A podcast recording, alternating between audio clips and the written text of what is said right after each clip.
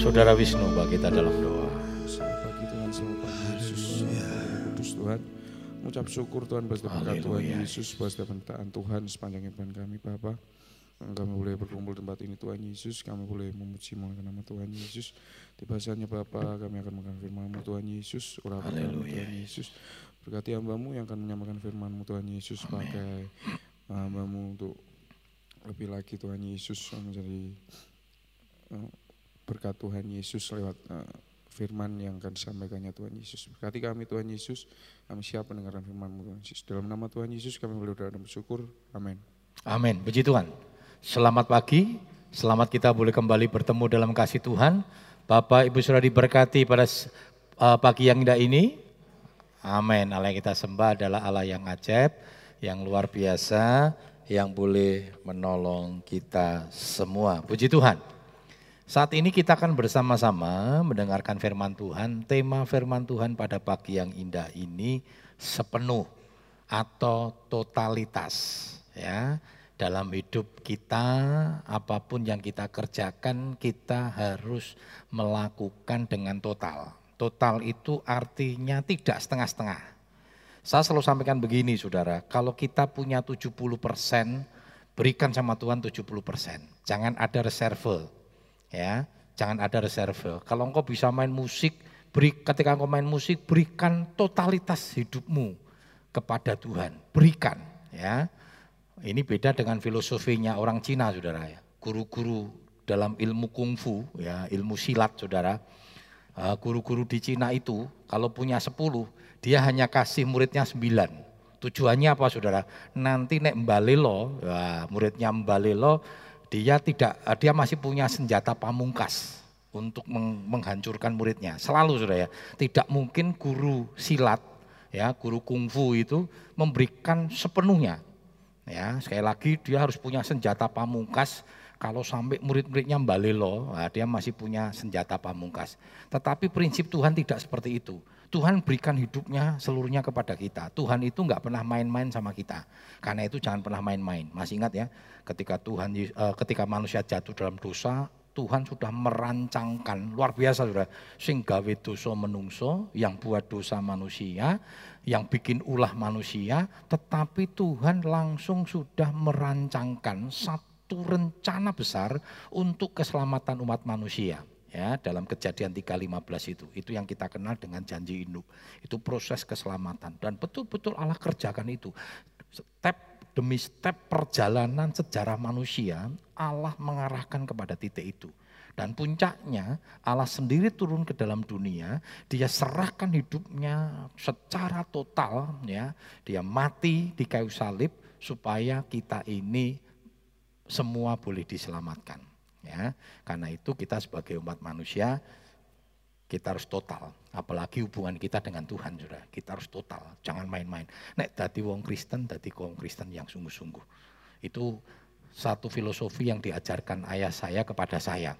Ah, ini bukan bukan kekristenan sudah walaupun itu nanti di dalam kekristenan jelas lebih dari itu ya. Ayah saya katakan waktu saya jadi mau jadi hamba Tuhan beberapa keluarga besar menolak ya. Karena dia pikir jadi pendeta mau makan apa sudah tapi ayah saya nyatakan begini nek mau jadi pendeta jadi pendeta tenanan. Nek dadi bajingan dadi bajingan tenanan.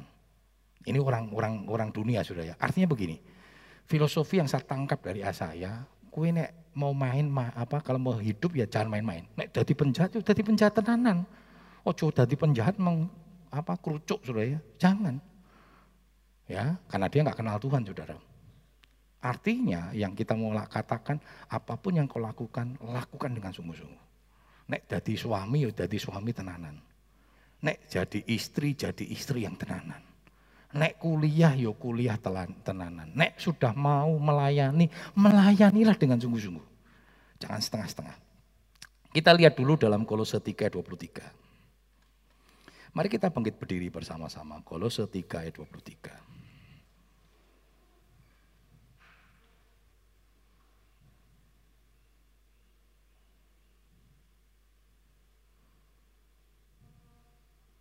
Mari kita baca bersama-sama. Dua, tiga.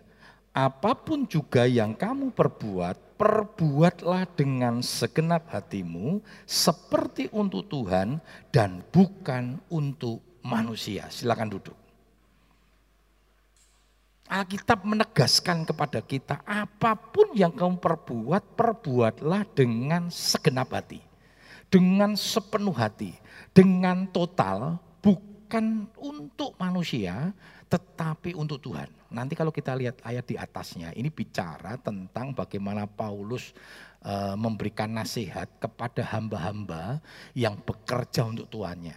Berapa banyak terjadi perselisihan ya antara hamba dan tuan ya cuma sering kali kan hamba-hamba ini kan nggak berani ngelawan secara langsung betul nggak saudara ya coba saudara kalau kerja itu ya biasanya karyawan-karyawan kan seneng ngerasani bos ya nek bos rano kan waktu makan wah bos kurang ajar ya. Wah kita kayak uang mangan ora libur libur bakto harusnya seminggu rasito iki meh apa namanya diganti bulan Desember ora sido meneh saudara. Karena corona saudara. Ini bukan karena bos saudara saudara ya. Walaupun bosnya seneng saudara ya. Wah puji Tuhan ini ya. Akhirnya biasa nih bakto uh, libur ikura libur kan gitu saudara ya. Jadi ini aturan dari pemerintah dan sebagainya. Karena filosofi karyawan sama tuan itu kan berbeda saudara ya filosofi karyawan sama tuan berbeda kalau filosofinya karyawan kan kerja sedikit-dikitnya gaji sebanyak-banyaknya. Benar ya? Kan banyak karyawan di sini ya, betul ya? Nek iso iki efektif kerja tiga hari. Wah saudara ya, tiga hari neng gaji ditambah 20 persen kan gitu saudara ya. Wah luar biasa, itu filosofi. Filosofinya begitu saudara, kerja sedikit-dikitnya, gaji sebanyak-banyaknya. Itu filosofinya karyawan, betul ya? Mau enggak karyawan kalau begitu? Kerja tiga hari neng tetap Betul enggak saudara ya? Wah corona kan banyak dipotong saudara, betul ya? Jam hari-harinya dipotong supaya eh, apa nanti tidak terjadi penumpukan. Pertanyaannya gajinya dipotong enggak saudara? Dipotong ya. Biasanya kan iso apa bersyukurlah orang dipecat ya, tapi kan dipotong dipotong gajinya ya. Nek iso itu gajinya apa hari kerja efektif menjadi tiga hari gaji tetap nek iso ditambah. Wah luar biasa. Ini kan buruh itu kan sebenarnya kan demonya kan di situ. Ini kan cipta kerja ini kan persoalannya di situ sudah. Persoalan di situ. Tapi kalau tuan ya pemilik filosofinya apa sudah? Kerja sebanyak banyaknya gaji se kecil-kecilnya. Nah ini kan nggak pernah terjadi, terjadi perselisihan selalu antara Tuhan dan hamba. Cuma hamba ini kan rawani ngelawan. Ya ada demo-demo gini kan buru-buru kan metu kabeh. Tapi ya pinter perusahaan. Yang demo coret ya kan karena gajinya kan gaji harian. Enak wae demo ora nyambut gawe tetap digaji demo demo perusahaan meneh Saudara ya. Nah, ini ini filosofi. Nah, makanya Paulus memberikan nasihat. Jadi ternyata persoalan ini bukan hanya di masa sekarang ya. Persoalan buruh dan perusahaan itu bukan terjadi di masa sekarang tapi pada masa dulu sudah terjadi. Maka Paulus berikan nasihat. Apa pun yang kamu lakukan, mandang Tuhan. Naik kerja, kerja mandang Tuhan. Bukan karena mandang perusahaan. Kalau mandang perusahaan sering kali sakit hati, sudah betul nggak? Kecuali marketing, sudah. Naik marketing kan seneng, sudah. Wana begitu pemasukannya banyak, yo bonusnya banyak ya. Marketing itu kan orang yang dikejar dikejar bonusnya sudah ya, bonusnya. Tapi nek cuma bagian staff, bagian ini kan oh, pemasukannya banyak, kerjanya oke, paling kan lemburan. Makanya kan kadang sering kali ngejar lemburan sudah ya. Di bank-bank tuh lemburannya tinggi sudah. Sengaja sudah ya, menteni lemburan. Wah luar biasa saudara, luar biasa. Nah Tuhan katakan begini, pandang itu pandang Tuhan. Sebab tidak sakit hati, bisa nggak saudara? Saudara kerja tenanan, perusahaannya gede, saudara nambahi sekian persen tok kecil. Perusahaannya sepan gede, bosnya beli ini Alphard, baltuku Alphard, Mercy, baltuku Mercy, helikopter, saudara ya. Wah kita lorati saudara ya, sing kerja kita, bosnya ini nuntut. Nah itu saudara ya. Ya tapi itulah filosofi, itulah kehidupan, realita. Kalau nggak mau seperti itu, jadilah bos. Jadilah bos. Maka sering kali saya ngajarkan kepada jemaat ya daripada engkau ikut orang sudah ya, apalagi yang sudah mau pensiun-pensiun, mikirin kira-kira nyambut gawe opo. Ya, saudara kemarin saya ketemu ya, ketemu ada orang Solo datang ya, dulu sempat ngeluh ya, karena dia kerja di marketing di sebuah perusahaan motor sudah ya, sepeda motor begitu. Lalu saya bilang, dah kamu cari modal usaha sendiri. Saya dulu selalu sudah, uh, ayah saya tuh ngajarkan piye-piye api-api itu nyambut gawe dewi. Sudah, kecuali sudah sudah di tingkat yang tinggi sudah ya, di tingkat yang tinggi. Sebab nek namanya kerja sendiri itu walaupun kecil punya kita sendiri. Ya, kemarin saya tanya ketemu, "Pi, kamu masih di marketing?" "Enggak, Om. Sekarang saya sudah dodolan apa namanya? Uh, leker Wah luar biasa, leker om. Jualan leker di daerah Widuran. PKL om, ora popo saya bilang. Gue PKL, PKL lo kan bos. Saudara. Karyamu piro loro lo, saya gue tadi bos loh. Nah filosofi harus berbeda loh. Nek demen kan nuntut perusahaan, gue nek dituntut kalau perusahaan anak buahmu ya jo nesu. Ya, karena kamu dulu pernah jadi uh, anak apa pernah jadi pegawai, sekarang kamu jadi bos. Lah cuma leker tok, Om. Mosok njaluk tunjangan THR, ora popo ya saudara. Saudara akan diberkati oleh Tuhan. Jadi Tuhan juga saudara harus menjadi Tuhan yang baik. Amin. Amin. Nah saudara luar biasa ya. Nah kuncinya apa saudara? Supaya kita bisa lakukan dengan sepenuh hati. Naik kerja ya kerja sepenuh hati. Pandang Tuhan. Pandang Tuhan. Saya pernah kerja saudara. Saya pernah kerja. Dan saya kerja betul-betul pandang Tuhan, bukan pandang manusia. Saya kerja di bagian pembelian. Nah orang yang sudah kerja di eh, bagian pembelian ini tahu sudah ya. Di perusahaan itu daerah becek. Orang becek banjir saudara. Ya banjir. Itu bel, aduh itu yang penentuan kita kan. Gelem barang dibeli atau tidak itu bukan bos. Pembelian bagian pembelian itu ya nah, biasanya bagian pembelian gitu sudah ya meh nawari barang gawa kem goreng. Kan tujuannya supaya bagian pembelian seneng ya. Wah tertarik gitu ya. Kadang tidak sesuai dengan kualitas. Waduh itu kalau di dalam dunia perusahaan namanya entertain. Ya jadi orang-orang marketing itu dikasih biaya entertain untuk memberikan entertain kepada bagian pembelian saudara. Ya jadi di luar jam kerja ya ditolak ngusik terus dibel. Eh nanti malam ada acara enggak? Enggak ada. Pak bisa ke kafe pak? Wah ke kafe dibayarin ya dibayarin dan sebagainya. Di situ lobby lobby sudah ya lobby lobby pak tolong pak barang saya dimasukkan ya. Engkau tak tuh ke TV kadang orang market orang orang pembelian begitu sudah oke saya terima. Ya saya terima anu motor saya ini mah diganti piye yo? Tenang Pak. Pokoknya kalau pembeliannya bisa masuk apa namanya motor tak kayak wah ini bagian marketing marketing cengar cengir bagian pembelian cengar cengir. Tahu itu. Tapi kita sebagai anak-anak Tuhan jangan lakukan itu sudah saya pernah kerja bagian pembelian ya. Waktu itu saya masih baru sudah ya. Waktu beli saya pernah sampaikan ya. Uh, apa namanya saya di kontraktor sudah ya. Belanjanya itu bisa jutaan setiap hari. Waktu itu saya beli uh, apa namanya semen. Semen waktu itu masih seribu sudah, sak sak, ya seribu. Jadi waktu saya beli semen, saya mau bayar, yang punya perusahaan ngomong begini, Pak, iki di, di kwitansinya ditulis seribu atau seribu seratus. Saya kan marah sudah. Begitu, kan kita sudah deal seribu. Kok sewu satu itu bi? Ora, maksudnya kamu bayar seribu, di nota tak tulis seribu seratus. Kalau saya beli seribu semen, berarti saya dapat seratus ribu. Iku melebu kantongmu. Itu baru semen, belum besi, ya, belum yang lain-lainnya. Lalu saya ngomong begini, loh Pak, itu kan namanya ngapusi. Itu bukan ngapusi le katanya, bukan ngapusi mas, itu pinter. Itu bukan pinter, itu ngapusi. Oh, dijak sugih ragelem kata saudara gitu ya. saya nggak mau saudara, saya nggak mau lakukan itu. Saya merasa cukup gaji yang saya sudah saya terima saudara. Makanya sampai hari ini perusahaan itu beberapa perusahaan-perusahaan masih baik dengan saya. Karena kita berikan sesuatu yang terbaik untuk Tuhan. Amin. Ya, lakukan untuk Tuhan. Nah, Saudara, apa pun yang dikerjakan harus dengan totalitas. Ini firman Tuhan saudara. Apa pun yang kita kerjakan, kalau sudah mengerjakan sesuatu dengan total, sepenuh, jangan main-main. Coba kita baca dalam pengkhotbah 9 ayat 10. Pengkhotbah 9 ayat 10. Segala sesuatu yang dijumpai tanganmu untuk dikerjakan, kerjakanlah itu sekuat tenaga. Karena tidak ada pekerjaan, pertimbangan, pengetahuan, dan hikmat dalam dunia orang mati ke mana engkau akan pergi. Perhatikan saudara. Apa pun yang dikerjakan dijumpai tak kerjakan dengan sekuat tenaga. Nek kerja ya kerja dengan sungguh-sungguh.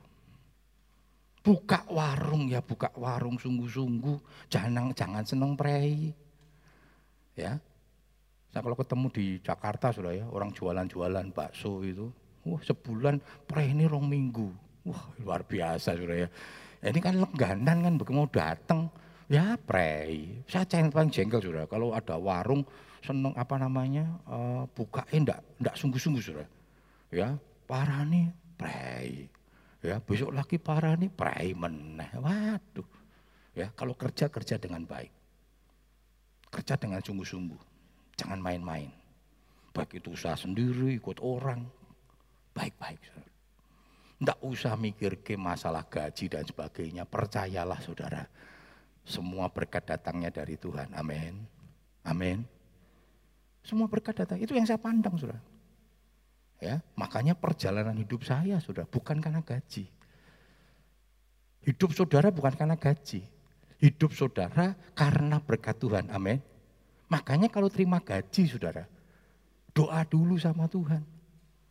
Kenapa Tuhan bisa memberikan makan kepada 15 ribu orang lebih? Ya, 5, 5 ribu itu kan laki-laki itu, sudah. Biasanya coba di sini ini banyak laki atau perempuan, sudah. Perempuan itu lebih banyak, sudah. Bahkan akhir zaman dikatakan satu laki-laki akan menikahi tujuh. Oh, haleluya, saudara. Wong dunyo saudara, wong dunyo. Jangan ikuti itu saudara ya. Karena nanti kalau kita baca dalam firman Tuhan saudara. Nah saudara kenapa kok lima roti bisa memberikan makan kepada 15 ribu orang lebih? Karena Tuhan memberkati roti itu. Sebelum dimakan diberkati. Sama saudara. Kalau sudah mau makan doa dulu. Tujuannya apa? Kita ngucap syukur supaya makanan ini bisa memberkati kita. Ya. Jadi apa pun yang dijumpai tanganmu, kerjakan itu. Sebab nanti kalau di dunia orang mati nggak ada sudah. Makanya firman Tuhan juga ngomong ya, bekerjalah selama lagi hari masih siang. Kalau sudah malam nggak bisa sudah. Nggak bisa. Ya, saudara, Tuhan Yesus memberikan hidup secara total untuk keselamatan manusia. 1 Petrus 1 ayat 18 sampai 19. 1 Petrus 1 ayat 18 dan 19.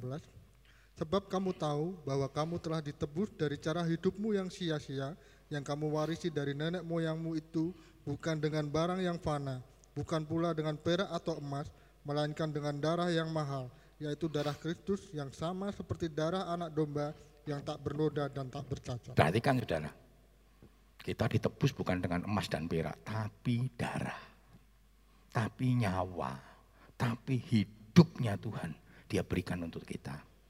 Dia total saudara. Walaupun sempat dia berkata saudara, Tuhan jikalau boleh cawan ini lalu daripadaku. Tapi enggak saudara, dia selesaikan secara tuntas. Paulus meneladani itu. Dua Timotius katakan apa? Aku telah menyelesaikan pertandingan dengan baik. Itu bicara total. Bicara tuntas sepenuh. Karena itu apa pun yang kita lakukan, lakukanlah dengan segenap hatimu. Bagaimana caranya?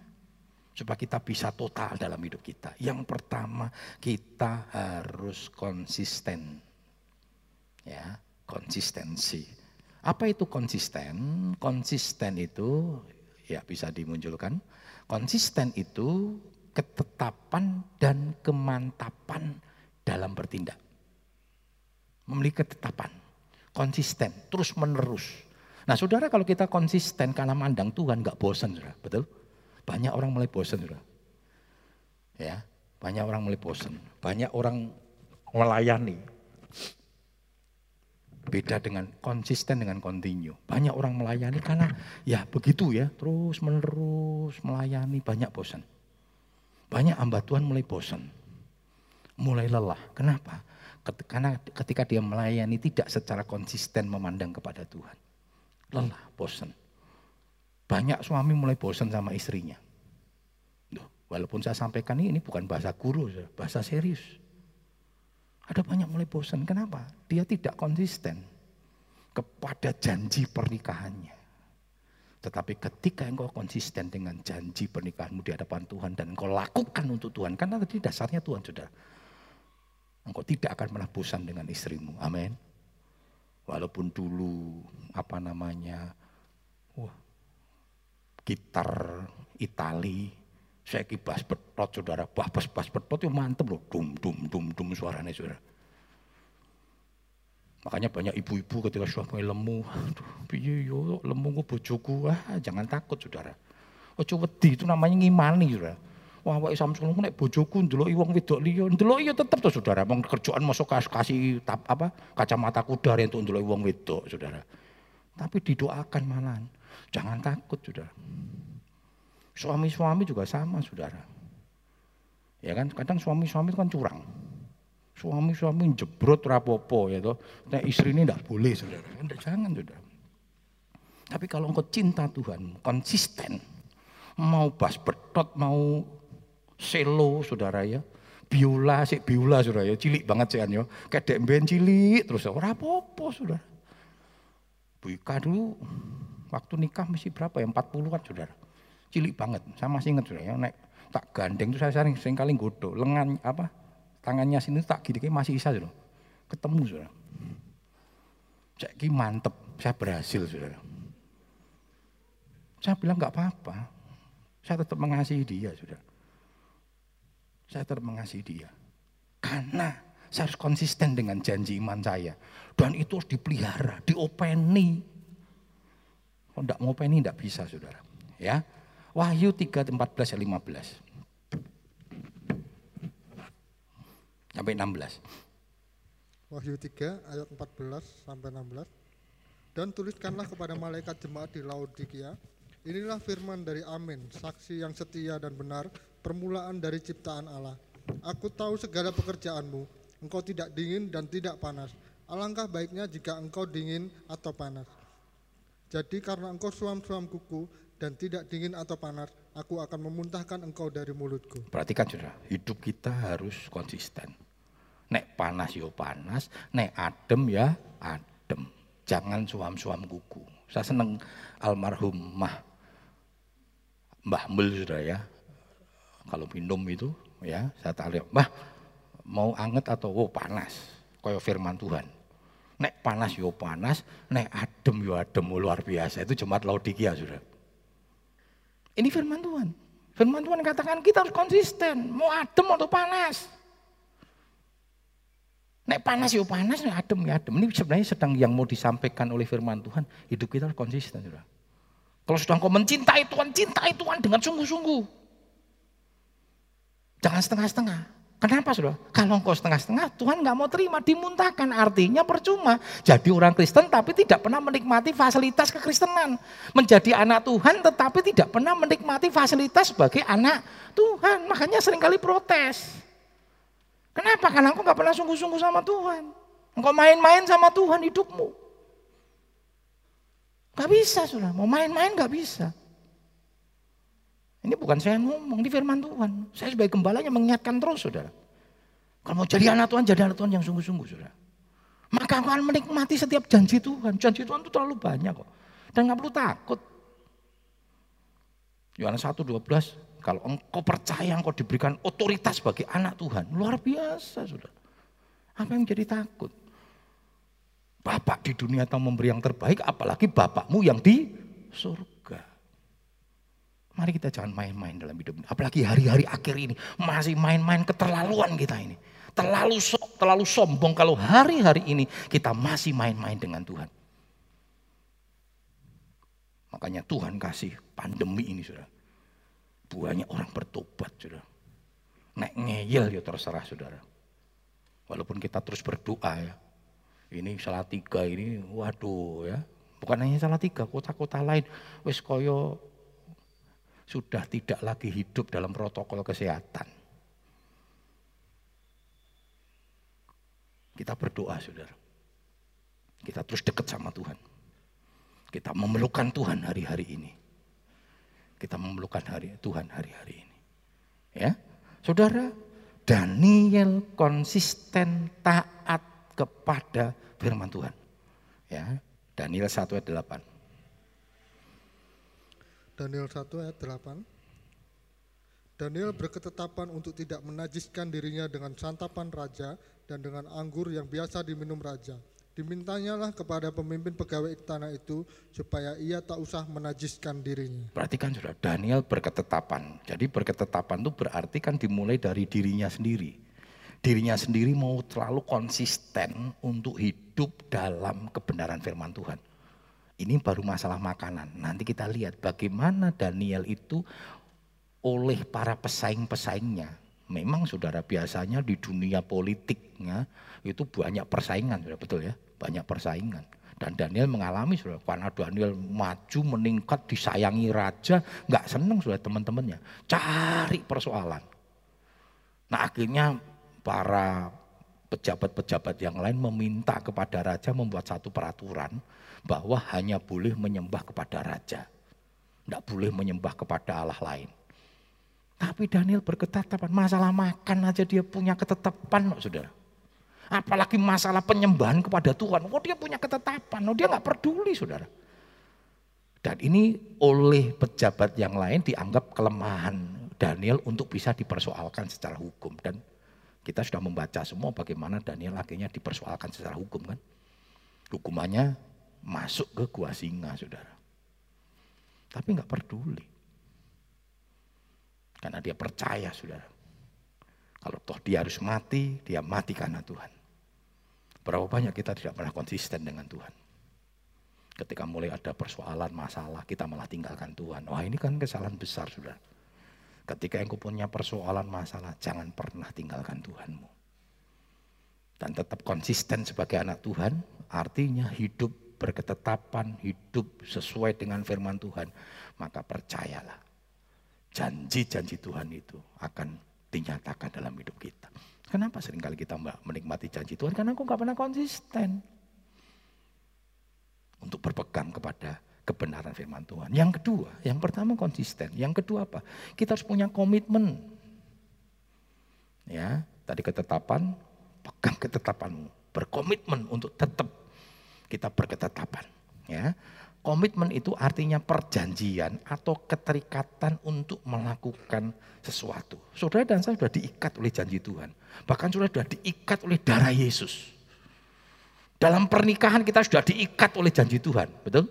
Mereka bukan lagi dua tetapi satu. Waktu diberkati, didoakan itu sudah diikat oleh janji Tuhan. Tapi berapa banyak kita sering kali melupakan itu. Begitu ada persoalan terlalu mudah, terlalu gampang. Pernikahan menjadi sesuatu yang rawan rapuh. Karena sudah tidak konsisten, tidak punya komitmen. Janji nikah bukan sederhana, saudara. Itu janjimu di hadapan suami istri dan di hadapan Tuhan disaksikan oleh jemaat, oleh hamba Tuhan. Tapi sering kali kan hanya main-main, saudara. Hanya main-main. Tetapi itu sesuatu yang sungguh. Dalam suka dan duka, dalam sakit maupun sehat. Berkelimpahan, berkekurangan akan tetap mengasihi. Itu bukan sesuatu yang main-main. Dan itu harus dibuktikan dengan kita tetap konsisten dan komitmen. Coba kita dalam Mazmur 132 ayat 3 hingga yang 5. Mazmur 132 ayat 3 sampai 5. Sesungguhnya aku tidak akan masuk ke dalam kemah kediamanku, tidak akan berbaring di ranjang petiduranku. Sesungguhnya aku tidak akan membiarkan mataku tidur atau membiarkan kelopak mataku terlelap sampai aku mendapat tempat untuk Tuhan, kediaman untuk yang maha kuat dari Yakub. Perhatikan sudah, ini komitmen dari Daud. Ketika dia tidur di istana, lalu melihat bait Allah itu betapa sederhananya, dia merasa malu. Dia merasa malu. Dia berkata, aku harus bangun bait Allah yang megah, yang indah, yang luar biasa.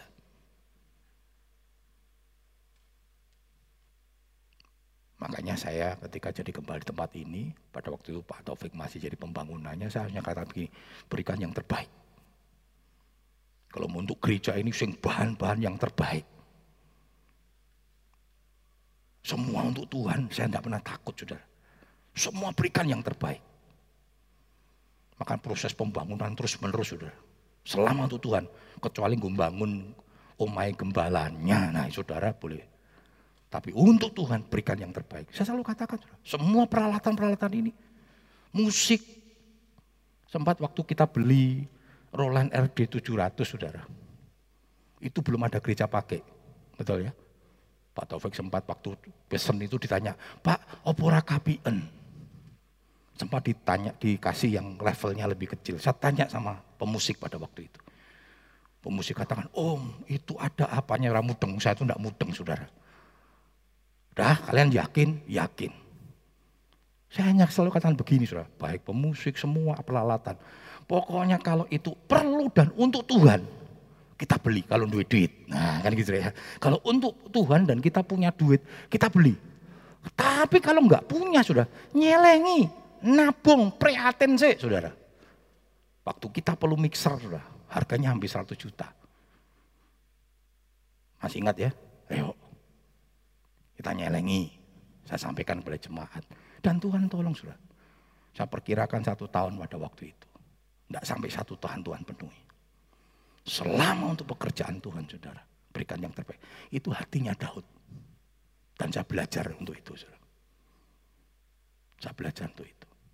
Daud berkata, aku tidak akan tidur dengan lelap. Dan itu terjadi, saudara. Walaupun Tuhan berkata sama Daud, kamu nggak boleh, tanganmu penuh darah. Karena Daud hidup dalam peperangan, saudara. Saya tidak mengizinkan kamu membangun rumahku. Kamu hanya mempersiapkan.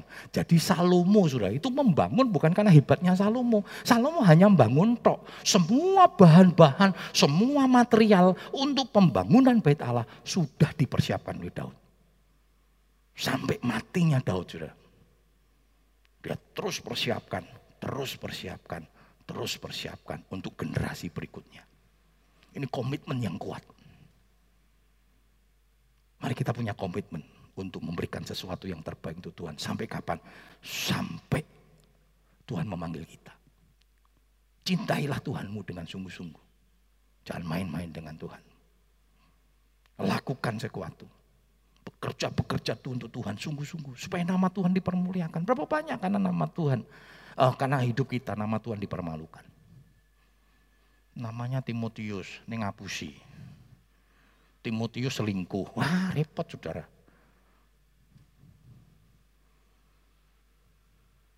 Saya pernah sampaikan ya, di Solo nama ada CV Medica. Ini kan banyak penipuan-penipuan uh, apa namanya uh, yang sifatnya apa invest-invest yang ditipu saudara. Satu kali, satu pagi saya masuk ngajar ke sekolah, teman-teman langsung ngomong, lu Pak Tim, kok Pak ke sekolah? Lah maksudnya apa? Lo bukannya Pak Tim ditangkap polisi, kurang ajar saudara ya. Loh, ngocok ngawur lu. Loh Pak Tim belum baca koran tuh, betul saudara. Waktu itu dikasih koran Solo Pos saudara ya. Tak buka headline-nya saudara, Timotius pimpinan CV Medika ditangkap polisi. Wah gede banget Timotius. Waduh nama saya jadi heboh saudara. Timotius saudara ya. Timotius.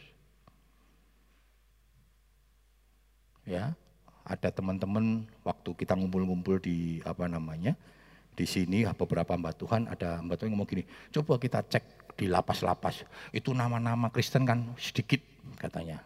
Namanya sedikit yang di penjara kata sudah. Ah, saya bilang di Jawa, coba neng Papua, jenengi Kristen kabeh sudah ya. Jenengi Fransiskus, Timotius, jenengi Daud ya toh. Daud ngapusi ya si si Lukas membunuh kan gitu Saudara ya. Karena sana orang Kristen semua Saudara. Ada banyak kita sebagai orang Kristen tetapi tidak menyatakan nama Tuhan. Mari kita punya komitmen yang kuat untuk terus memberikan hidup kepada Tuhan. Amin. Dalam segala perkara, tadi dikatakan, dalam segala perkara, apa pun yang kamu berbuat. Ya, saudara, ada satu tokoh lagi, Yosua saudara. Yosua punya komitmen. Ya, Yosua dan keluarga itu punya komitmen kepada Tuhan. Coba kita lihat di dalam Yosua 24 ayat yang ke-15. Yosua 24 ayat yang ke-15. Tetapi jika kamu anggap tidak baik untuk beribadah kepada Tuhan, pilihlah pada hari ini kepada siapa kamu akan beribadah. Allah yang kepadanya nenek moyangmu beribadah di seberang sungai Efrat atau Allah orang Amori yang negerinya kamu diami ini. Tetapi aku dan seisi rumahku kami akan beribadah kepada Tuhan. Perhatikan sudah, ini komitmen Yosua. Bukan hanya Yosua, Yosua berkomitmen untuk keluarganya.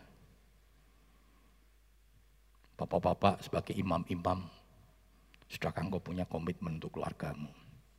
Aku dan seisi keluargaku. Komitmen itu nggak cuma ngomong, tetapi komitmen akan disertai dengan upaya. Tidak gampang, sudah. Tidak gampang komitmen kita hari-hari ini untuk berkata, aku dan seisi keluargaku. Enggak gampang. Kalau mau ngomong tok, oh Tuhan, oh, aku dan seisi keluargaku, aku mau menyembah Tuhan. Tapi enggak ada upaya untuk betul-betul merealisasikan komitmen kita. Mari kita berupaya, sudah. Punya kepedulian untuk keluargamu. Jangan cepat lelah untuk keluargamu. Berapa banyak orang tua mulai lelah. Sudah tahu keluarganya melenceng. Sudah tahu suaminya melenceng. Sudah tahu istrinya, anaknya melenceng. Ah, daripada rame. Tidak boleh lelah, saudara. Jangan lelah bekerja di ladangnya Tuhan. Roh Kudus yang beri kekuatan yang yang mengajar, mengajar.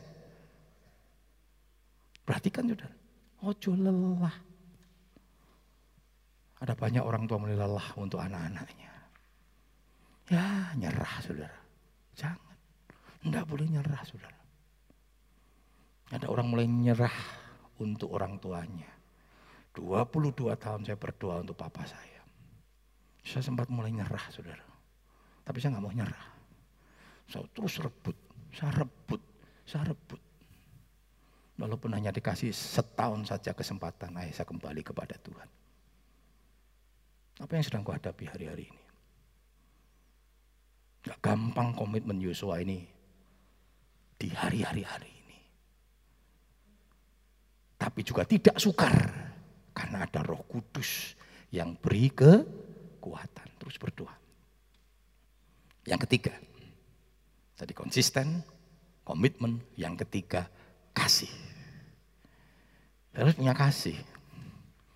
Perbuatlah bukan untuk manusia tapi untuk Tuhan. Kalau sudah nggak punya kasih kepada Tuhan juga nggak bisa, sudah nggak bisa.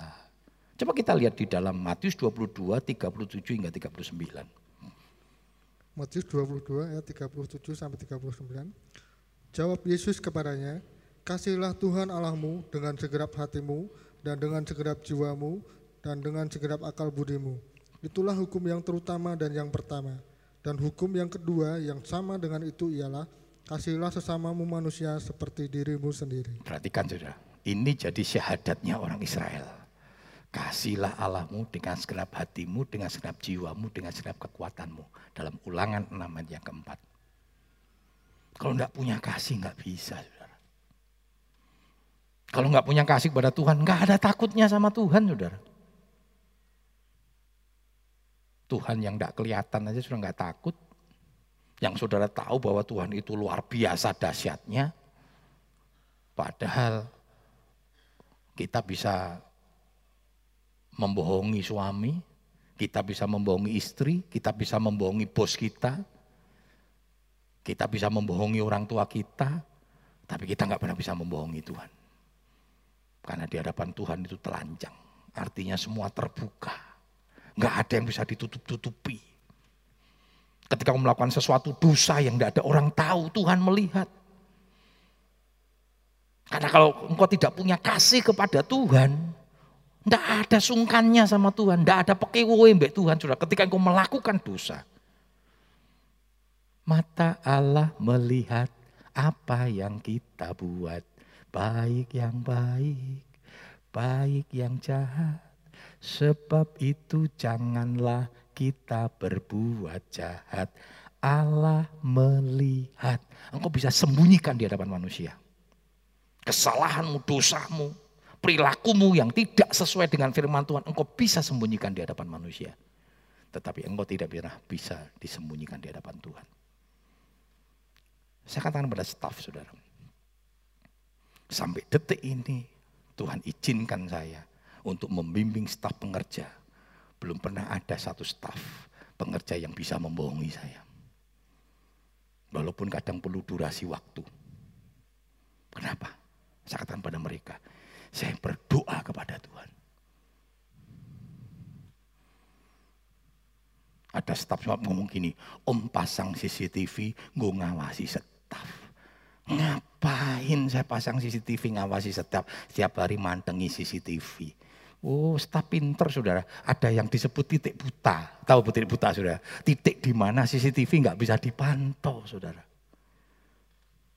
Itu CCTV dipasang karena memang itu menjadi protokolnya dari kepolisian bukan untuk menghalangi kejahatan. Karena kita tidak mungkin mantengi yang CCTV seperti di perusahaan-perusahaan sudah ada satu security yang enggak saudara. Itu sebenarnya kalau ada kejadian, kalau kita punya CCTV, CCTV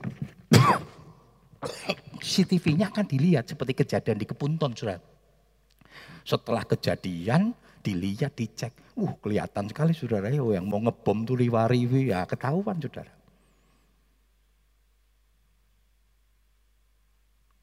Saya hanya katakan kalau engkau hanya takut sama om, percuma saudara. Ada banyak yang buat kesalahan saudara. Waktu saya ngajar sama Bu Ika, kesam ngerti saudara. Wah iki om setengah hari. Wah sudah. Seperti orang bebas. Tapi saya katakan, nggak pernah Tuhan sampai detik ini sudah. Tuhan pasti buka, bagaimanapun caranya. Kenapa saya hanya katakan, saya selalu serahkan kalian sama Tuhan. Saya doakan. Supaya Tuhan tolong, Tuhan tuntun. Jadi yang penting, takut sama Tuhan. Jangan takut sama om. Kalau takut sama om, ono om, wah. Resik-resik sudah ya. Seperti saya punya dulu, punya karyawan sudah ya, waktu di kontraktor. Ya, satu kali saya waktu mau datang, setiap kali saya datang itu anu, wah, kerja kabeh sudah saya pikir saya pengen tahu kalau saya nggak ada kerja pora. Jadi itu di Karanganyar waktu itu membangun pabrik uh, perusahaan peternakan sudah ya. Jadi jalannya tuh nurun sudah ya. Jadi dari dari jalan tuh nurun sampai ke bawah. Nah sengaja sudah waktu saya turun saya matikan itu mesin mobil saya, tek gitu. Ngeti-ngeti tengah sudah di tengah-tengah di tengah-tengah ternakan. Wono sing turu, ya, ono sing ngobrol dan sebagainya. Begitu tahu saya yang tidur langsung berdiri ambil ember, wah, dibawa ke sana. Padahal ember reno laburnya. Labur apa itu? Yang campuran semen, pasir nggak ada. Wah dia bawa, semua dikeduk-keduk ya. Saya tahu semua. Ya, saya bilang sama mandori itu, itu, itu pecat. Saya bilang, wis ora bener nyambut gawe hanya lihat bosnya saja. Makanya progresnya apa kemajuannya tidak meningkat perusahaan ini. Dan kalau kamu tidak bisa ngawasi anak buahmu, melu tak pecat, mandor banyak saya bilang. Karena mandang manusia. Kalau mandang manusia, kecewa. Kedua kita nggak jujur.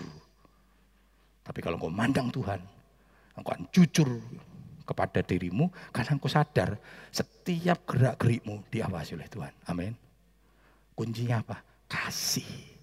Kalau ndak ada kasih sama Tuhan, ndak pekewuh sama Tuhan, nggak sungkan sama Tuhan. Tapi kalau engkau kasih kepada Tuhan, apa pun yang kau lakukan, engkau akan jaga nama Tuhan. Engkau akan jaga nama Tuhan. Amin. Jaga nama Tuhan. Karena hidupmu itu membawa nama Tuhan. Firman Tuhan katakan apa? Kita ini seperti surat yang terbuka. Mari. Apa pun yang kau lakukan dalam hidupmu Lakukan dengan total. Lakukan sepenuh hati. Maka percayalah. Ketika engkau sepenuh hati sama Tuhan, Tuhan sepenuh hati untuk kita. Dia sudah buktikan.